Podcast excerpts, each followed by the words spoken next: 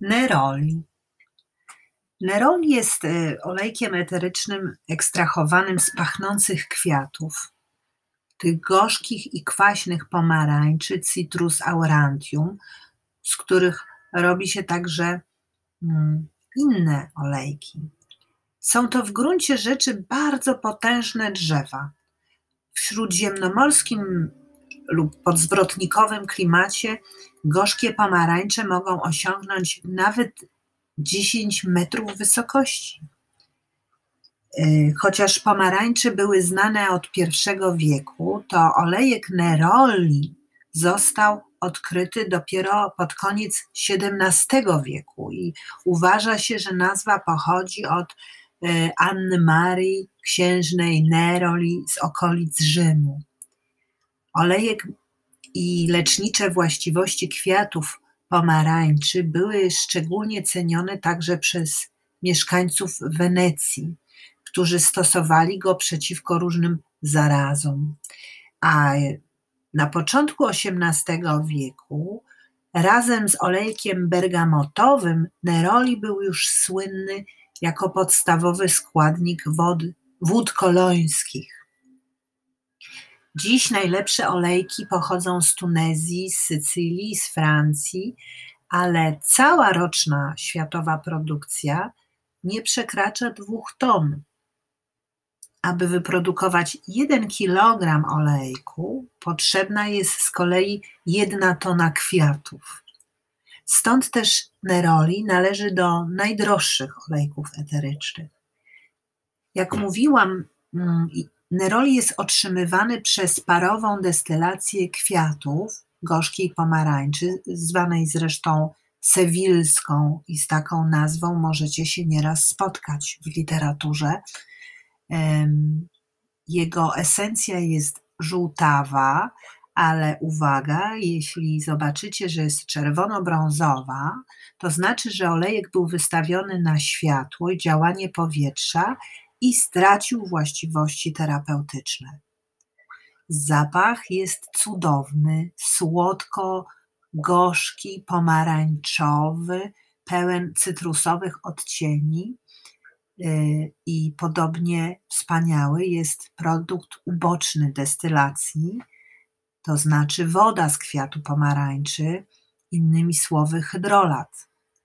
Jest on szeroko stosowany w różnych preparatach farmaceutycznych, i w kuchni, zwłaszcza azjatyckiej, bo nawet hydrolat i nawet zastosowany w kuchni ma właściwości uspokajające, przeciwkurczowe, przeciwtoksyczne, a także lekko nasenne. Lęki, depresje, smutek, mogą bardzo łatwo ustąpić po e, zastosowaniu odrobiny neroli, mm, na przykład trzy krople zmieszane z dwoma e, łyżeczkami oleju bazowego można wcierać zawsze zgodnie z ruchem wskazówek zegara w splot słoneczny w kark, w skronie. I głęboko oddychając i relaksując się w ten sposób przez kilka minut bardzo łatwo osiągamy utracony spokój i pogodę ducha. I taki uspokajający i relaksujący efekt może być szczególnie cenny podczas ciąży. Więc uwaga, wszystkie mamy. Miska ciepłej wody z kilkoma kroplami neroli może być umieszczona przy łóżku podczas porodu a potem wasz dzidziuś może być bezpiecznie kąpany w wodzie z czterema kroplami neroli lub y, można dodać jedną kroplę do zakrętki dziecięcego szamponu, jeśli go używacie i potem tak wymieszane te dwie substancje dodać do kąpieli. Y, dla tych, którzy cierpią na bezsenność, to lekkie, nasenne działanie neroli jest jak naturalny środek wyciszający. Można na przykład zażyć kąpieli z kilkoma kroplami olejku przed pójściem spać, a Takie kąpiele w ogóle są bardzo wskazane i skuteczne przy objawach napięcia przedmenstruacyjnego, czyli słynnego PMS-u. Neroli jest także polecany dla osób mających słabe krążenie i wówczas należy go wcierać w nadgarstki każdego dnia rano i wieczorem.